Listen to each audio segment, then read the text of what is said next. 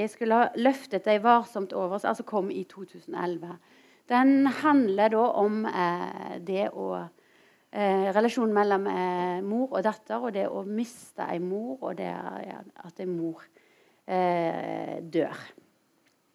Eh, jeg ville i utgangspunktet ta, ta liksom og begynne litt i det overordna og snakke liksom mer spesifikt om romanen. Men altså, dette her med mødre og døtre i skjønnlitteraturen. Eh, vil gjerne høre deg eh, mene noe om eh, dette her med at er det, er det sånn at, eh, at, dette temaet er i vår kultur lettere blir avfeid som eh, altså et potensielt stridig forhold, som er alle kanskje vet noe om hvis vi enten er mødre sjøl eller alle er i hvert fall døtre til noen. Eh, er dette her et, en relasjon som lettere blir eh, avfeid som litt sånn våsete og uinteressant i skjønnlitteraturen enn eh, oppgjøret med fedre, der en har sett liksom uh, alt ifra Alt ifra Hamlet og fram til Knausgårds oppgjør med sin far. At dette her liksom ligger mer som en sånn kulturens dynamikk, det der med fedre og sønner. Hva tenker du om det, Wenche? Ja. Jeg tenker i hvert fall, som du jo sier, at uh, verdenslitteraturen er full av uh, sønners oppgjør med sine fedre. At det er på en måte selve brytningspunktet av uh, personlighetsdannelsen. Fadermordet. Uh, det å bryte opp med forrige generasjon, hvor fadermordet står som et slags symbol.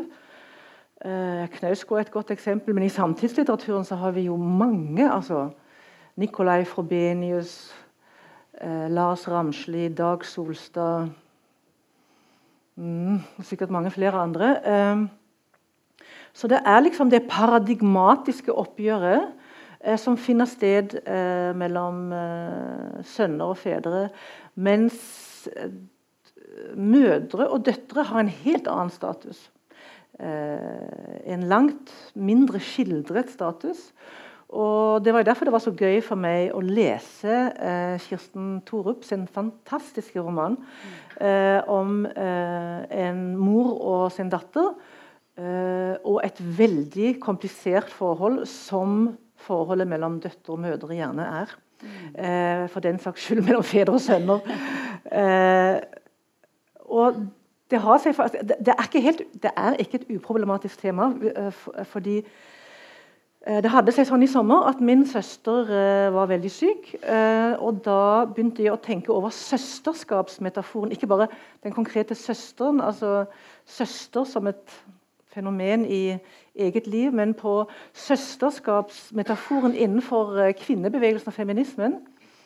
Fordi at i 70-tallsfeminismen, den andre bølgefeminismen, det søsterskapsbegrepet, ble jo etablert i en kontrast til mødregenerasjonen. Altså Det var jo et oppgjør med mødregenerasjonen. Et, uh, denne mødregenerasjonen som så å si regjerte på 50-60-tallet og skapte denne normalkjernefamilien som så døtrene på 70-tallet gjorde et uh, sterkt oppgjør med det borgerlige samfunnet med de eh, mødrene som hadde underkastet seg patriarkatet til syvende og sist. Mm. så noen begynte å kalle det mother blaming, altså å, gi, å, legge skylden på moren og mødregenerasjonen.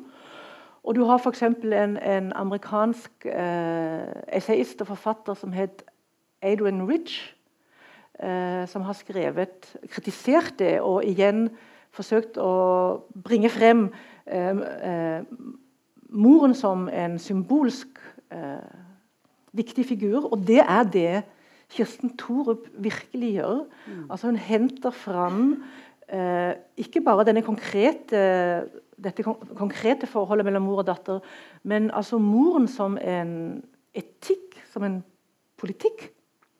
Men dette er ikke uproblematisk. Fordi at det er jo eh, Hvis jeg bare får lov å bable litt om det for det, mm, eh, mm. eh, det er ikke uproblematisk å idealisere moderskapet. Fordi eh, feministene, feminismen, kvinnebevegelsen, har jo kjempet så hardt for å fri seg fra moderskapet. Dvs. Si fra moderskapet som en plikt, en forpliktelse, et åk. Og fordi at kvinnen i vår kultur er så nært knyttet til naturen, til kroppen, til seksualiteten, til reproduksjonen, og at reproduksjonen er det om å gjøre for alle mulige systemer å regulere og dermed kontrollere kvinner, så har det vært så viktig å skape det sverdslaget en gang. ikke sant? Altså i, i forhold til moderskapet som plikt. Så det er ikke uproblematisk, fordi det, knyt, det knyttes til så mye i altså, eh, historien. Så det store spørsmålet er om eh, Kirsten Thorup idealiserer moderskapet. Mm. Det syns ikke jeg hun gjør. altså. Mm. Eh, eh, derfor er det så spennende at hun tør. Mm. Jeg opplever vel at hun gjør altså det Hun problematiserer det nettopp med at hun, mm. sjøl ser at hun ikke helt uh, klarer å fylle den rollen. Og akkurat som du sier, mm. da, at det har vært og, og det, det, å føle liksom skam overfor den utilstrekkeligheten er vel noe av det som var liksom oppgjøret for, ja.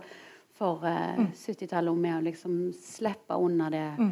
den skyldfølelsen mm. med utilstrekkelighet. som en vel kanskje aldri kan komme helt unna. da. Altså, hun, hun, skriver jo fram en katastrofal dysfunksjonell mm. eh, mor-datter-relasjon. Det er sånn at du får gåsehud. Mm. Eh, eh, kommunikasjonen stopper jo helt opp. De har ikke kontakt med hverandre mm. Eh, over lengre tid. Eh, for så å Ja, hun mister ja. jo retten til, til samvær med barn nå. Det er liksom perioder der hun ikke og samtidig, og det er jo det geniale med denne boken eh, Samtidig som hun beskriver dette nære mor-datter-forholdet fra 70-tallet og frem til eh, Eller fra 80-tallet og frem til i dag, eller noe sånt. Ja, det er ganske, ganske ja. fram til nåtid. Ja, samtiden. Mm. Så er det en slags roadmovie eh, fra mm. liksom, eh, det danske velferdssamfunnet fram til eh, dagens si, neoliberale Danmark. Mm. Sånn at eh, hun i Altså virkelig hun gjør det personlige politisk veldig konkret. Mm. Hun viser faktisk at kjærlighet eller omsorg er et prekært politisk spørsmål. For det mm. Eh, ligger i kjernen, mener jeg, da, den mm. boken. Mm. Mens eh, din skildring av eh, altså din debut der du skildrer en mor-datter-forhold, den er jo mye mindre dysfunksjonell, da, tenker jeg, når jeg leser den. Den, den ligger liksom og vipper mellom en veldig sånn noen nydelige sånn kjærlighetserklæringer til, til denne mora som blir kreftsyk og, og, dør. Og samtidig en veldig sånn aggresjon i, i, visse partier der er liksom tydelig at en opplever en sånn type klam, eh, klam hånd fra mors side, der, der både vil ha, ha, ha ungene sine tett på, og samtidig er ganske sånn, sånn ja, til tider ufin i måten å liksom eh, forholde seg til den omsorgen du får, da. Hvem er ufin? Eh, denne mora. Eh, Blant annet ja. en sånn scene der som blir skildra der, der, eh, der hvis vi skal si at det er deg, da, eller iallfall den, den datteren som reiser fra Oslo til Kristiansand for å møte ja. for, å, for, å, besøke mor, og så sier hun hvorfor i all verden tar du deg fri fra, fra jobb? liksom, hva, hva, Var det nødvendig? liksom, Og så, så, så skrives, skrives bare et eller annet sånn derre ja, ut en veldig aggresjon i forhold til den en form for sånn utakknemlighet og samtidig en sånn stor forventning om å bli tatt hånd om henne. Mm. Uh. Det, det, det, er jo eh, to generasjoner som eh, klasjer sammen også i den romanen. Eh, og det er jo et slags oppgjør med en eh, mor som på mange måter underkastet seg eh, eh, hovedpersonen sin far. en nokså autoritær far. Mm. Samtidig som denne moren gjorde sitt opp sitt opprør, men aldri kunne gå. Altså aldri klarte å gå. Uh, men det er jo denne nærheten, denne Det er det som mm, Det som skjer når foreldre dør Eller jeg vet ikke, det kan skje. Uh, og det er jo på en måte ganske trist at det ofte først skjer når foreldre, foreldre er døde det er en, en forståelse av eh, at det fantes eh, ideelt sett i hvert fall, en form for betingelsesløs kjærlighet. Som eh, mødre, og sikkert også fedre, kan ha for sine barn. Men det er noe det tar lang tid å skjønne. Fordi at ofte er det så mange kontraster og konflikter. Men idet du er ved å miste den, mm. så kan det gå opp for deg. Eh, og ikke bare det. Det er jo også noe med at mm, en mor som jo aldri har fullstendig selvinnsikt, og det har man selv ikke som datter, men en mor vet noe om sine barn som barnet selv ikke vet. Vil si, det er når foreldre dør, så dør det en del av den egne historien du aldri får tilgang til. Og det, det, det, er liksom noe med å forstå denne endeligheten. Eh. og så er det selvfølgelig også en helt konkret skildring av en nokså brutal død. fordi at denne datteren Wenche eh, eh, Moren får kreft og dør i løpet av tre måneder. Og bestemmer seg for å dø hjemme og skal følges opp av et såkalt lindrende team, som fungerer veldig dårlig. Eh, så denne eh, datteren Wenche eh, Det er liksom på hennes vakt at moren faktisk går i oppløsning og dør. Og denne døden er veldig brutal. Eh, hjerteskjærende brutal. Mm. Eh, og det gjør et uutslettelig inntrykk å være med sin mor som har gitt henne liv, å være den som skal ta hånd om henne idet hun dør. Så det er jo mye også mm. den dynamikken som um, har utløst mm. den romanen. da. Mm. mm. I, i uh, slutten på Kirsten Thorups uh, roman 'Erindringer om kjærligheten' så skriver hun noe som handler om dette her med å være altså, være noens datter eller noens eh, ja. altså sitat. Jeg er ikke bare et produkt eller følgevirkninger av mor eh, slash far, men først og fremst noe annet enn dem. Eh, du har jo både skrevet eh, en eh, roman om eh, relasjonen mellom mor og datter, og om far og datter. Mm. Altså, hva, hva, hva opplever du som forskjellene mellom de to relasjonene og skrive om det? Og hva var det egentlig som motiverte deg til, til, å, til å, skrive om det? Mm, den andre boken, som heter 'Kanskje det ennå finnes en åpen plass i verden', er en veldig annerledes bok. Uh, det er uh, en flettverkhistorie mellom uh, Som fletter sammen fars tid i en overskridende ideologi på 40-tallet, dvs. Si nazismen, og datters tid i en overskridende ideologi på 70-tallet, dvs. Si et kunstnerkollektiv i Østerrike som het AAO. Eh, å se disse forbindelsene eh, Og det er altså en krigshistorie som ble fortiet. Mm. Så den boken har antagelig Fortia i familien. Ja, fortiet i familien. Mm. Eller, eller mm. datteren fikk først Wenche fikk mm. først vite det da hun var 27. Mm. Mm. Eh, så den er Og sånn sett ligner den kanskje på sønner sitt oppgjør med fedre. ja. Den er et mye sterkere mm. Jeg vet ikke om det er mer aggressivt, men det er altså et mye sterkere farsoppgjør. Uh, og det er jo interessant fordi at relasjonen til mor er så katastrofalt nær. Mm. Altså Katastrofen ligger nærmest i symbiosen og mm. nærheten. Mm. Det å ikke kunne skille. Det å av moren ha fått et oppdrag som Wenche fikk, nemlig å være den som beskytter sin mor, mm. det er noe som kan berøre en hel del døtre. Mm. Eh, som har vært tungt å bære i livet, fordi at en datter kan ikke redde sin mor. Eh, men denne nærheten er jo også en fantastisk kvalitet, for den har vart hele livet, mm. så lenge mor levde. Og den er selvfølgelig også etterpå i, i, det indre, kan du si. Mm. Mens relasjonen til faren og nå, og nå, snakker vi om en det er også interessant, vi snakker om en viss generasjon. Dette er forhåpentligvis ved å skifte, i den forstand mm. at fedre er nærværende på en helt annen måte for mm. sine barn enn de var på 50-60-tallet da jeg var barn. Og særlig den østerriksk-tyske generasjonen, med det autoritære bakteppet som ligger her.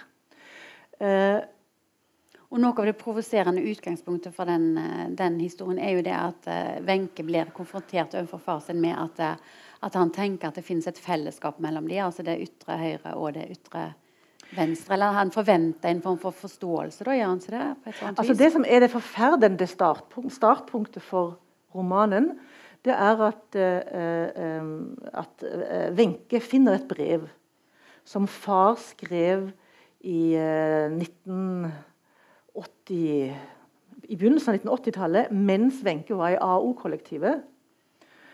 Eh, og eh, dette brevet er fars svar på Wenches brev til far, hvor hun gjør et oppgjør med sin far per brev fordi at hennes mor har fortalt henne mm. at hennes far har forvist Wenches søster fra hjemmet. Mm. Fordi mm. søsteren har giftet seg med en afrikaner, med en neger, som det het i fars brev. Og Da skriver Wenche et brev til faren og sier 'hva faen holder du på med?' liksom. Og da svarer far henne i et brev. Og dette brevet klarer, legger Wenche til sine papirer og glemmer. Og finner igjen på 2000-tallet. Og leser brevet, og da kommer skamrødmen. Fordi at far forklarer seg og outer seg egentlig Han outer seg som, som, en rasist i det brevet hun fullstendig har glemt. Og så gjør han en, den linken du, skriver, du, du, du snakker om. Mm. Han sier eller skriver og du, Wenche, forstår meg sikkert. Fordi at, fordi at du Du, Wenche, forstår meg sikkert. Fordi at du også er opptatt av et fellesskap eller et eller annet sånt. Noe, en, han skrev ikke ordet ideologi, jeg kan ikke huske det nøyaktig. Mm. Mm. Og da tenkte jeg han har rett. Og dette må jeg ta på alvor. Og Det var det som var begynnelsen på den romanen. Å flette sammen 70-tallsopplevelsen i et en gang frigjørende kollektiv som ble en sekt, en autoritær sekt, og knytte det til den tyske fortiden. Og også til eh, det tyske, østerrikske 68-oppgjøret med den autoritære foreldregenerasjonen.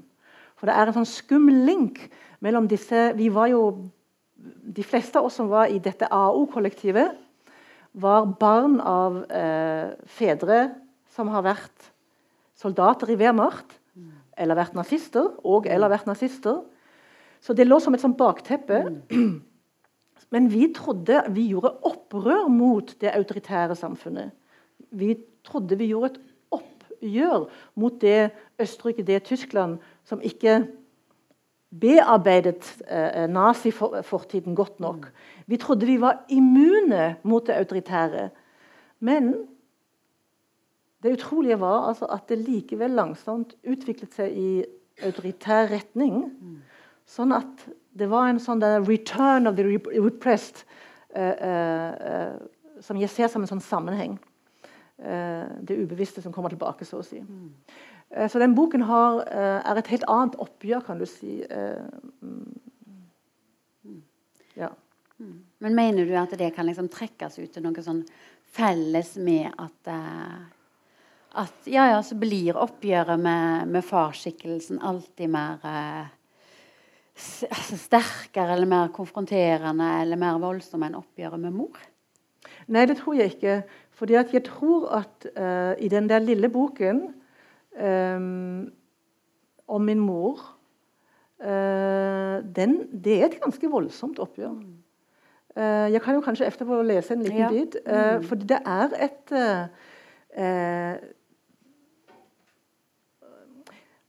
Det er et voldsomt oppgjør, og det er jo det som er så vanskelig med å være mor og datter. Det er Nå som jeg er mor selv, så får jeg en dyp forståelse for min mors posisjon. Mm. Så altfor sent. It's always too late. eh, den kommer for sent. Den kommer med en sånn etterklang. ikke sant? Eh, denne forståelsen av eh, den nærheten man har gjerne til sitt barn Dette tror jeg ikke er mødres privilegium, det er foreldres privilegium. Mm. Omsorgspersoners privilegium. Mm. Mennesker som har et nært forhold til et barn. Men altså, for mitt vedkommende eh, som mor eh, Og det å eh, holde et barn i armene sine og denne nære symbiosen, denne følelsen også av å eie dette mennesket og vite alt om dette mennesket mm. og ha fullstendig kontroll over dette mennesket, til den løsrivelsen som må komme, og den er ofte ganske smertefull. Og så denne innsikten som jeg mener at Torup skriver frem på en sånn utrolig interessant måte. Fordi at det jeg tenker Jeg har voksne barn. Og jeg tenker at det jeg tenker veldig mye, det er Mine barn er fremmede for meg. Selvfølgelig ikke bare. Men jeg har en sånn undring, en sånn grunnleggende undring. Sånn at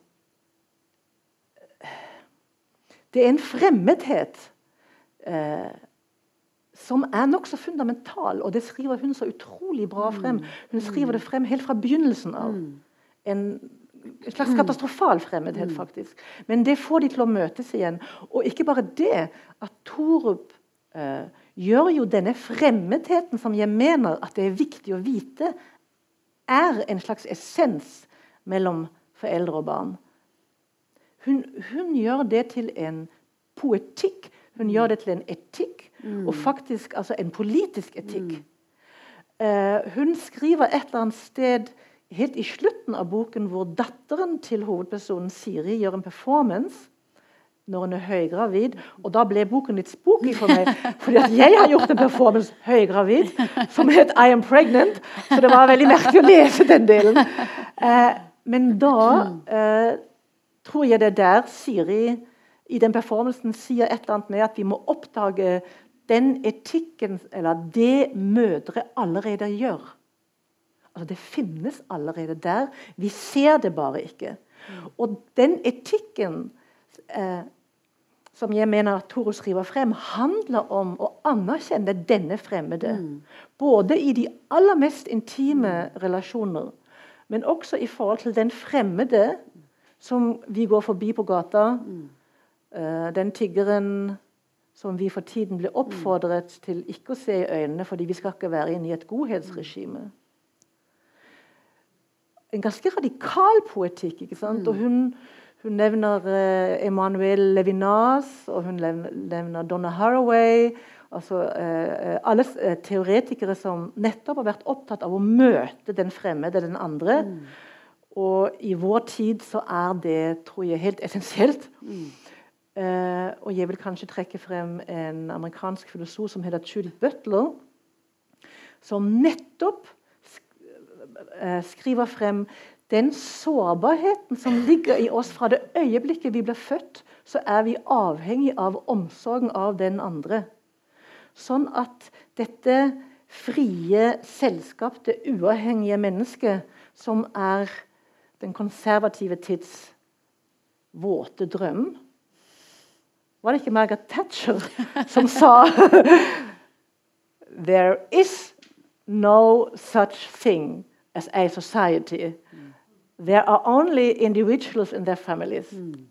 Denne farlige mm. løgnen som ligger i hjertet av høyrepopulismen, den må man slå fra seg ved å forstå den dype avhengigheten som mennesket alltid har, særlig i begynnelsen av livet, egentlig alltid, også på slutten av livet. Og det eh, Jeg opplever denne performancen handler veldig mye om, om, om det. da.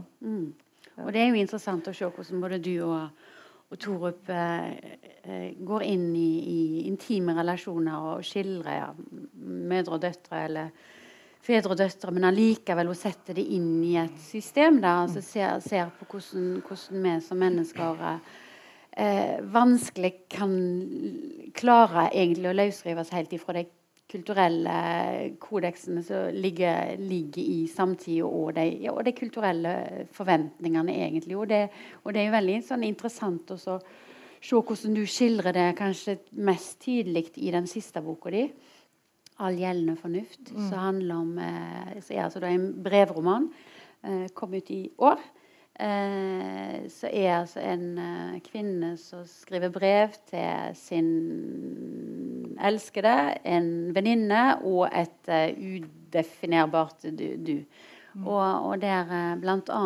Uh, problematiserer dette her med, med, med, å ha erfart at en har prøvd å opponere mot uh, forventninger i samfunn på et 70-tall, og samtidig da oppleve hvordan en sjøl lengter, egentlig, eller, eller veldig veltilpass søker mot, eh, mot uh, ja, et type samliv, så, så er, er, det som de fleste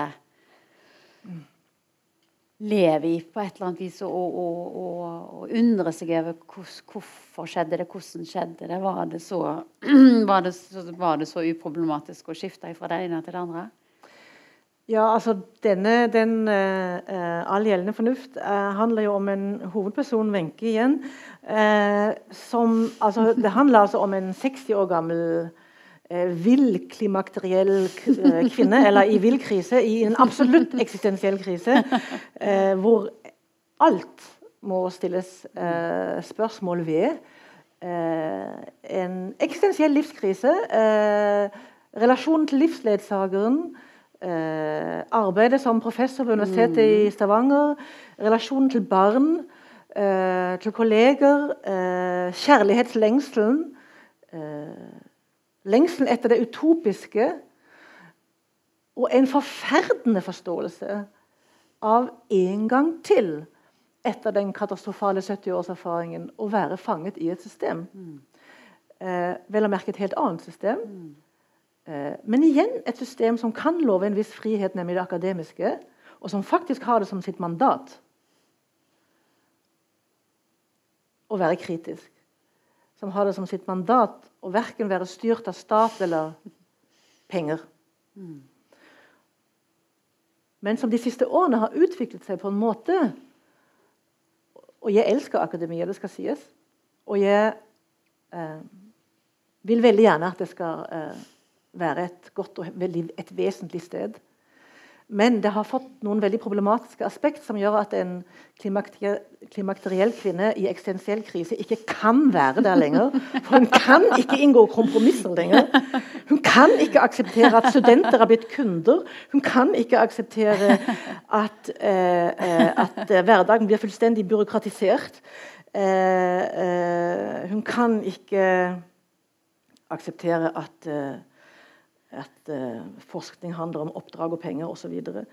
Ja, du skifter vel, gjør ikke det? Liksom, altså, vi merker jo den der leden egentlig, der hun liksom egentlig ikke engasjerer seg i noen ting lenger. Og så, og så merker du den der, eh, en type energi og opprør fra, fra, noe som ligger der lenger bak og, og akkurat sånn. Altså, så ikke kan altså, eksistere. Altså, det, virker som det, det virker som det skifter fra, fra ja, eh, bare legge seg eh, ned og la det hele skure og gå, egentlig, til å ville liksom altså, jo, ta en standpunkt, da. Bok, boken er en undersøkelse av tvil. Tvil er så vesentlig. Mm. Eh, og hvis ikke tvilen ligger i et system, da nærmer et system Jeg sier nærmer, men det nærmer seg det totalitære. Mm. Og tvilen må ligge til grunn. Eh, og hvis det ikke er et spørsmål hver dag hvordan skal vi gjøre dette, Eh, hvis du ikke hver dag kan kaste alle spørsmål opp igjen, alle vesentlige spørsmål, da stivner det. Da stivner det til et system. Eh, og denne hovedpersonen Wenche opplever jo at hun er så jævlig lojal. Hun er så flink pike. Hun har igjen fullstendig til en viss grad underkastet seg et system i sin lojalitet. Og det er en forferdende innsikt, faktisk. En nokså ødeleggende innsikt. Eh, og det tar lang tid å bryte. Merkelig nok. Mm. Fordi det er så vanskelig å gjennomskue det du er i nå. Det er så lett å være etterpåklok når du har fasiten.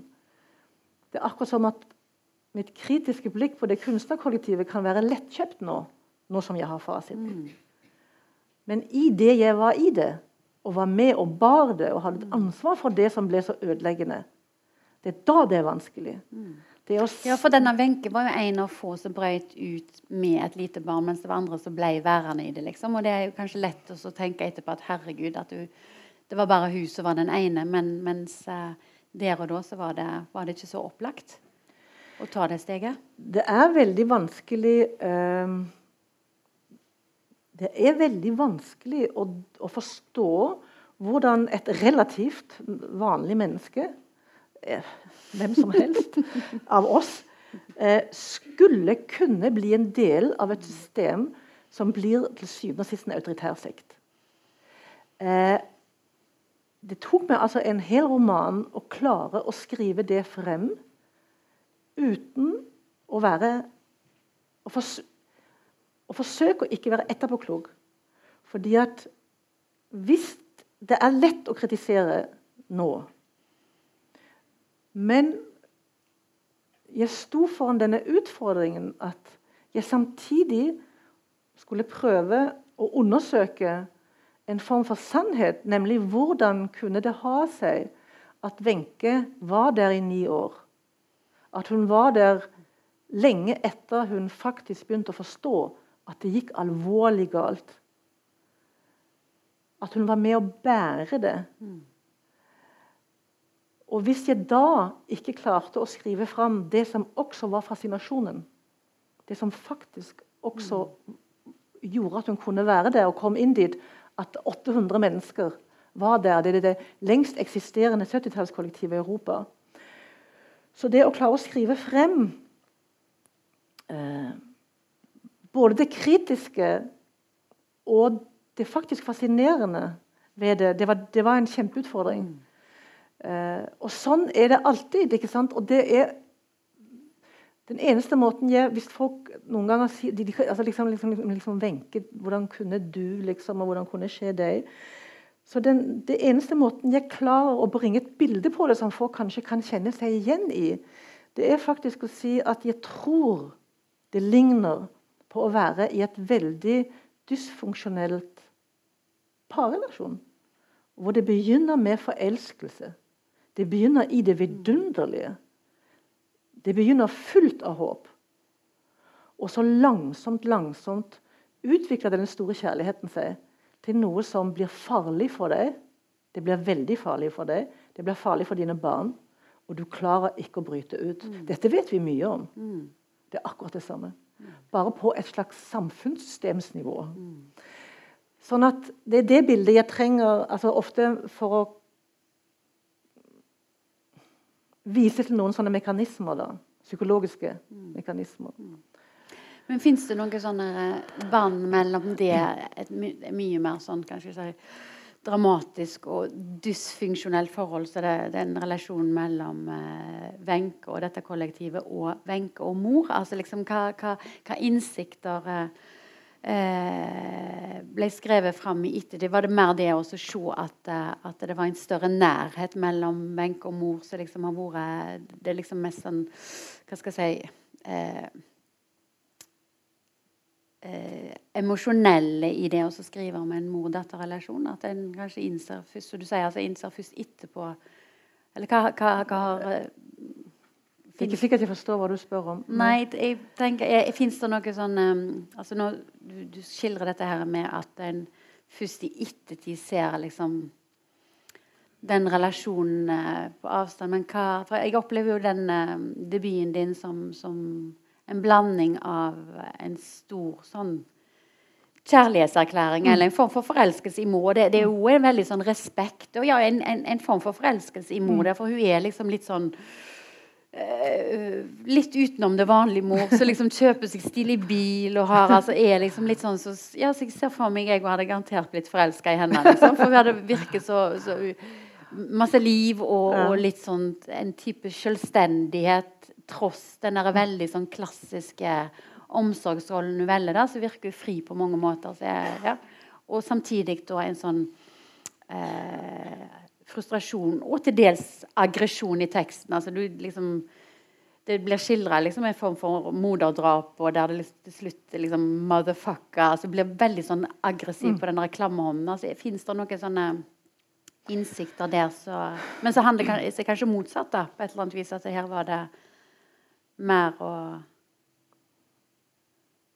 Altså, I i farsboka, om man skal kalle det for det, så ligger det også et forsøk Det ligger også et forsøk på å skrive fram en kjærlighet.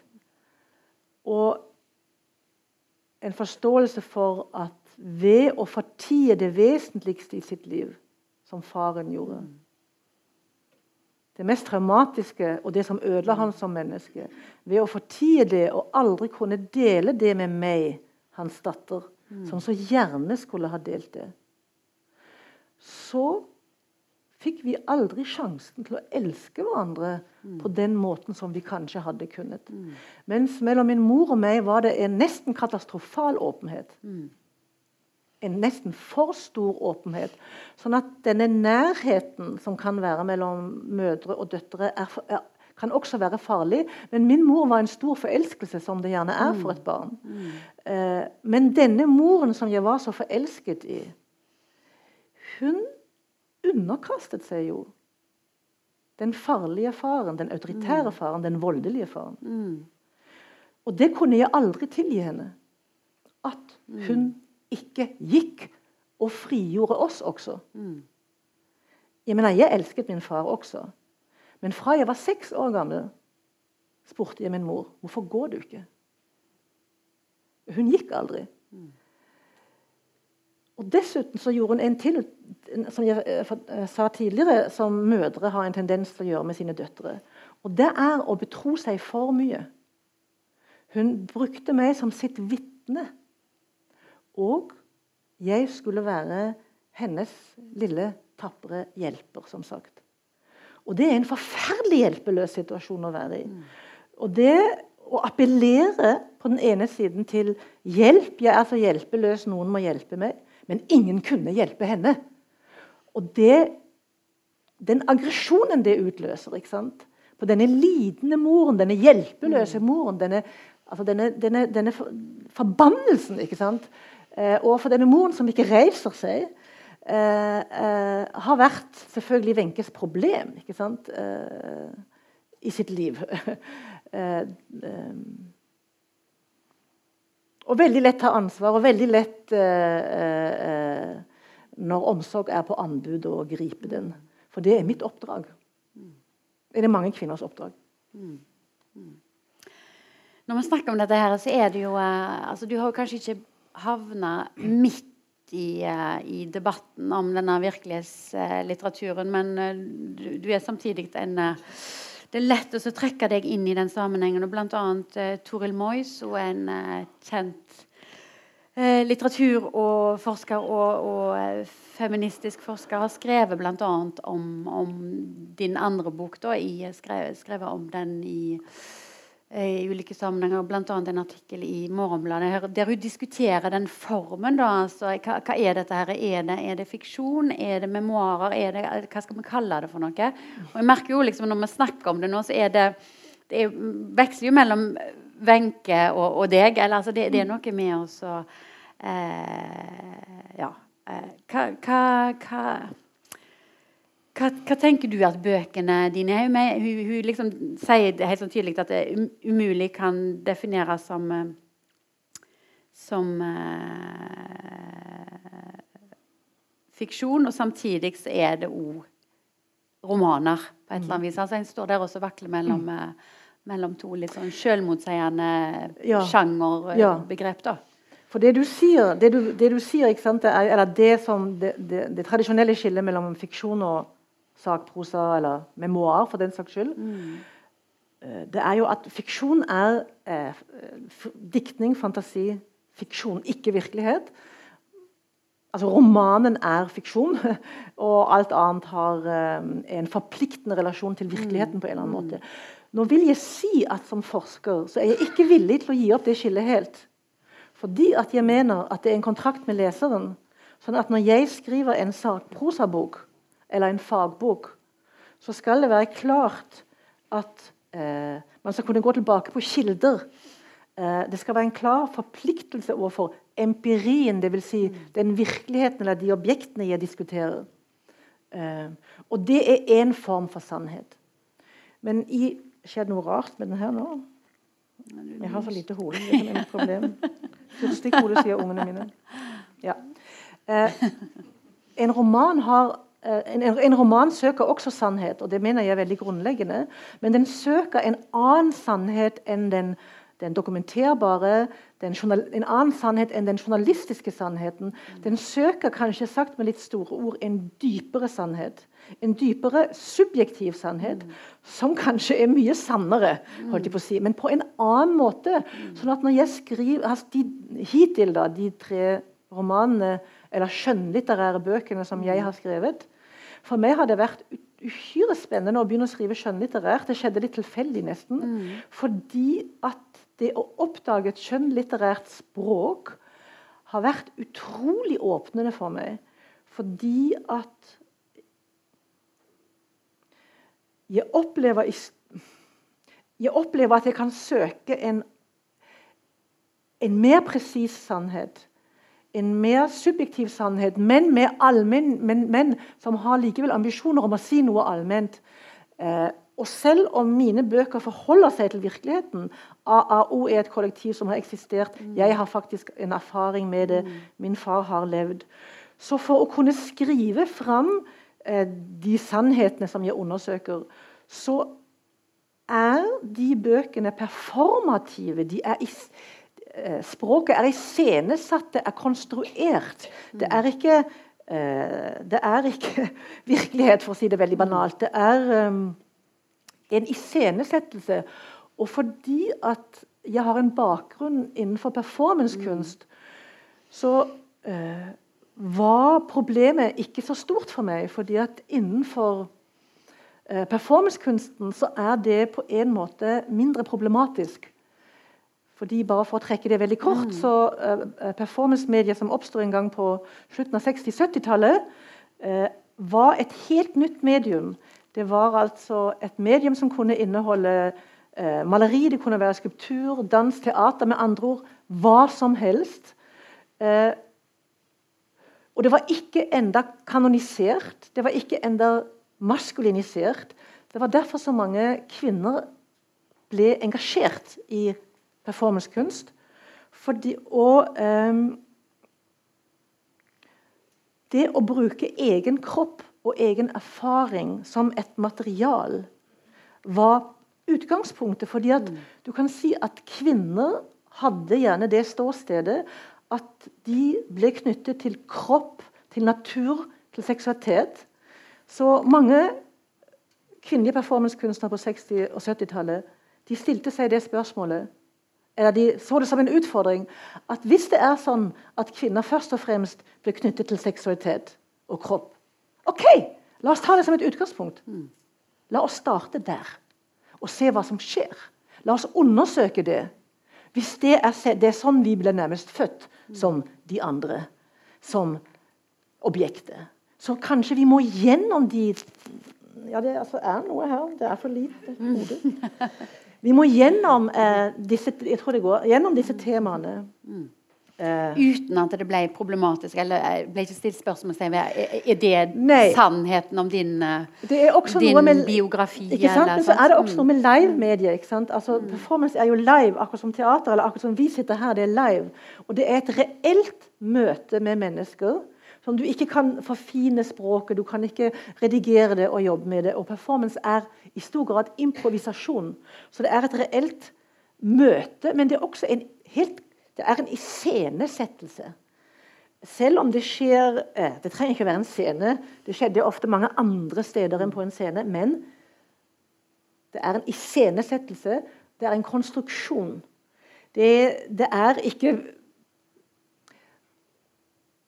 du, Mennesket er til stede med sin pust og sin svette og sin kropp, men det er en konstruksjon.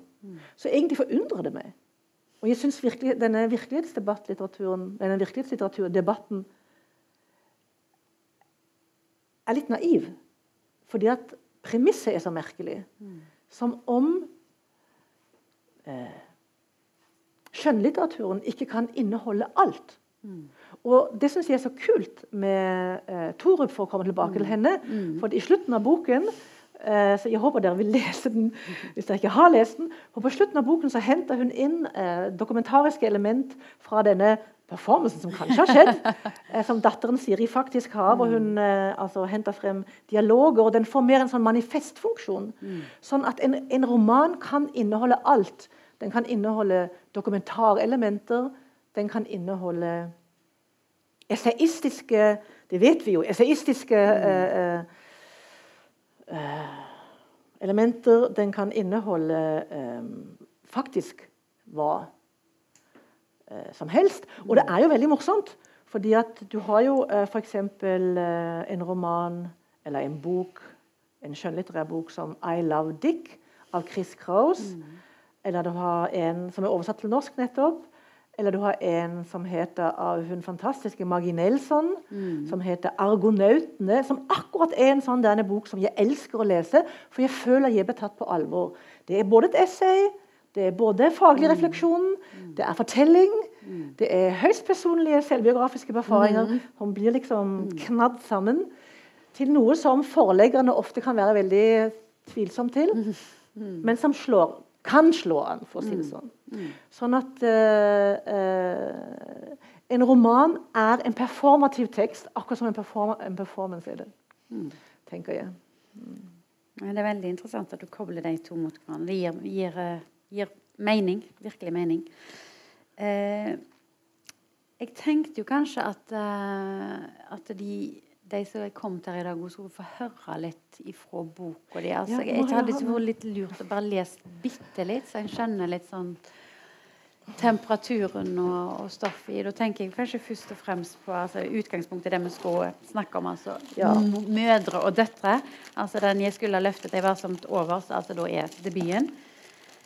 Mens uh, som sagt, du har jo skrevet to andre bøker det var jo den vi tenkte på. Jeg, jeg, trodde jo inntil i dag formiddag at jeg kom til å sitte her med Kirsten.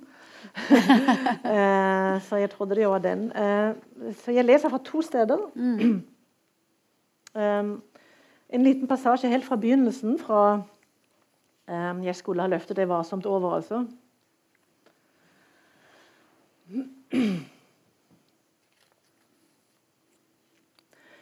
Hvis jeg ikke passer meg nå, mamma, hvis de ikke er veldig forsiktige. stivner sorgen etter deg for alltid. Enten å du din moderdemon, eller å du min skjønne mor. Mitt døde objekt. Jeg sluker deg. Jeg oppbevarer deg langt inne i mine innvollers giftige, hermetiserende safter. Et siste snapshot Stillbilde, dødsmaske, tom grimase. I kapellet før de brenner dette til aske. Det er dødsens alvor. En livsfarlig, varig og livgivende tilknytning. Jeg skal ikke la deg brenne i helvete. Jeg skal ikke knele foran ditt skjønne bilde. Ingen tilstivning. Kors på halsen.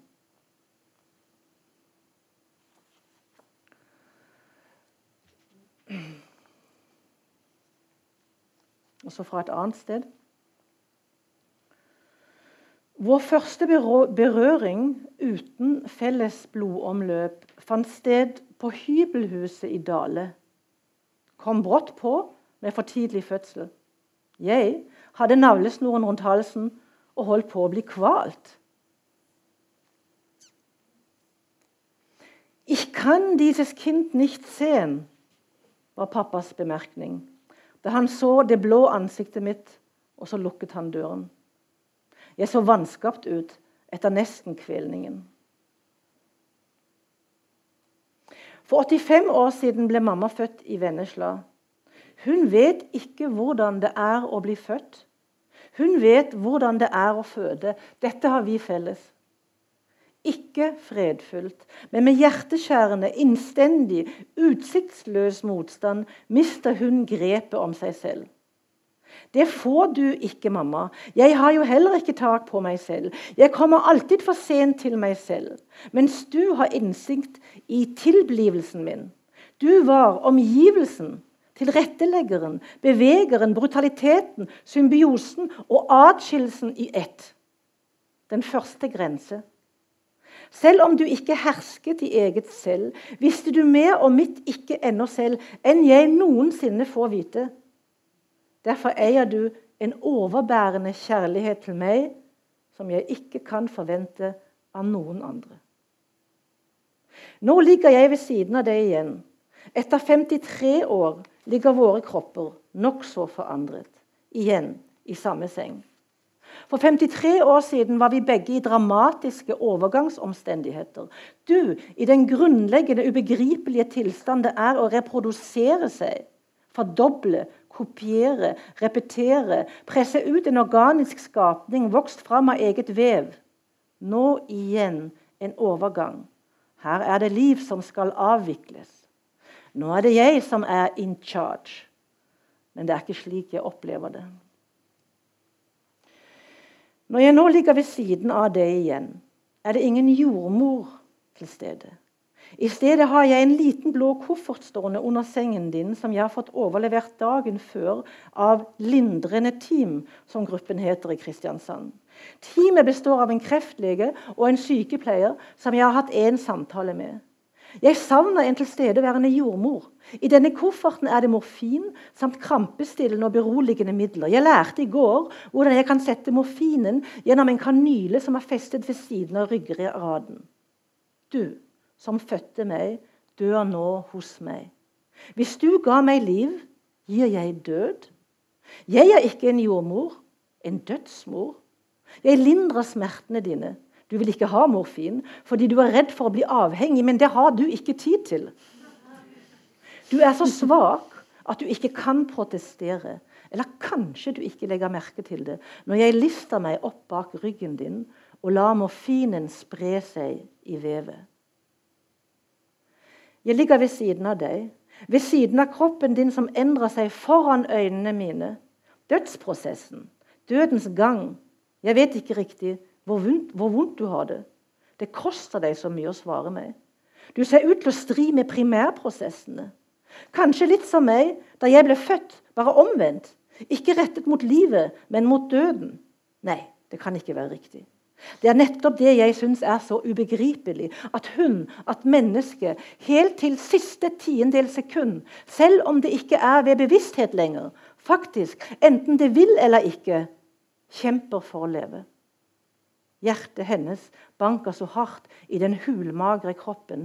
Det dundra tvers igjennom alt, og hele kroppen hennes, holdt sammen av skjelettets ramme, er uten muskler og gir etter for den tynende tyngdekraften som hun en gang turnerte så triumferende. Alt rister pga. dette hjertet. Så jeg får følelsen av at jeg holder hennes hjerte i mine hender. Selv om det er lett, så er jo det ikke til å bære. Jeg ligger et ubevoktet øyeblikk og er så hjelpeløs. Hjertet mitt banker vilt sammen med ditt. Jeg må hjelpe deg! Hilf dir selbst, så hilf dir godt. Jeg tror at du faktisk sover. Og jeg gråter uten lyd. Idet jeg snur hodet, ser jeg at du betrakter meg med et kaldt, et registrerende blikk. Du har sett alt. Du har sett min hjelpeløshet nå som jeg skulle være sterk for deg. Nå forstår du hvor det bærer hen. Jeg skammer meg for at jeg er vitne til at du mister alt. Der tok du siste stikk. Jeg står her med avføringen din på hendene mine. Din tapre, lille hjelper. Hvorfor skriker du sånn? Mitt brøl kan fylle hele dette rommet. Jeg kan gripe om det dundrende hjertet ditt. Jeg kan slite det i stykker, kan la det ligge her. La deg ligge her alene. Snu i døren, så kan du dø.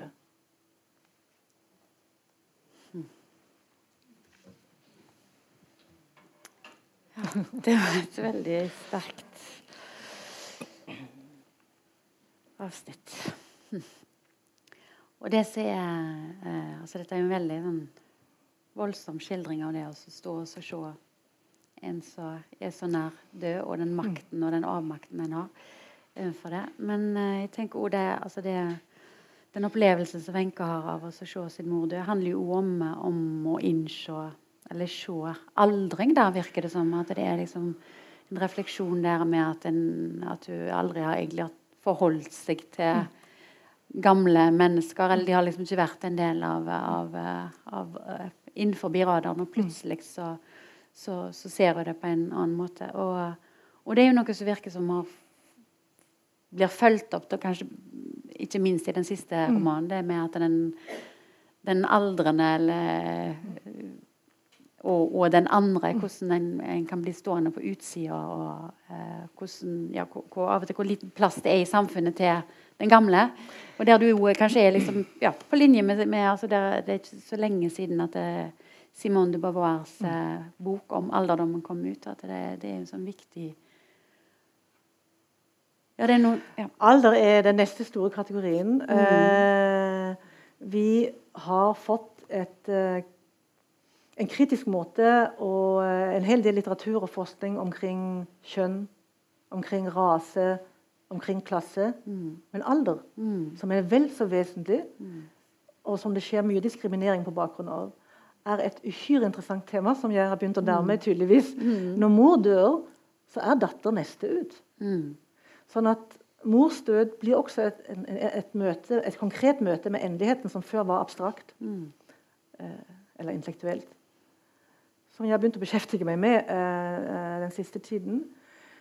Og en av de tingene som gjorde så inntrykk på Wenche da hun var til stede i mors død, det er jo også at uh, Jeg tror vi har en slags forestilling om at døden er noe som skjer med en.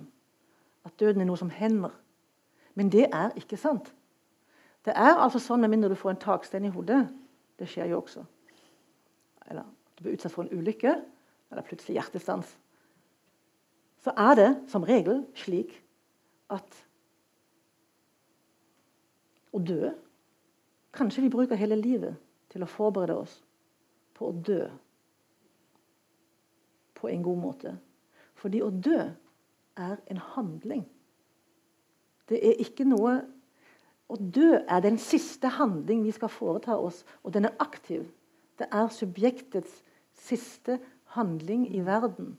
Det er noe vi gjør. Det er ikke noe som blir gjort med oss. Ja, det skjer med kroppen. Ja, det skjer også med bevisstheten. Men det er altså faktisk en handling. Og det var det jeg forsto. Eller Wenche forsto.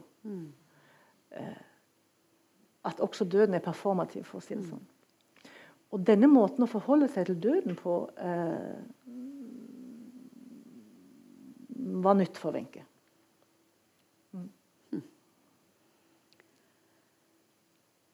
Ja, jeg tror eh, rett og slett det kan være sånn siste ordet om eh, i utgangspunktet mødre og døtre, men så har fedrene fått kommet inn, og aldring og i det hele tatt opp til flere ting. Ja, men da tror jeg bare sier tusen, tusen takk til deg, Wenche Mieleisen, for å snakke så. Tusen hjertelig takk til deg. Og klokt og gripende og, tusen takk til deg. opplysende om alskens. Takk, og tusen takk til dere som eh, er kommet. Tusen hjertelig takk. Takk til alle. Takk.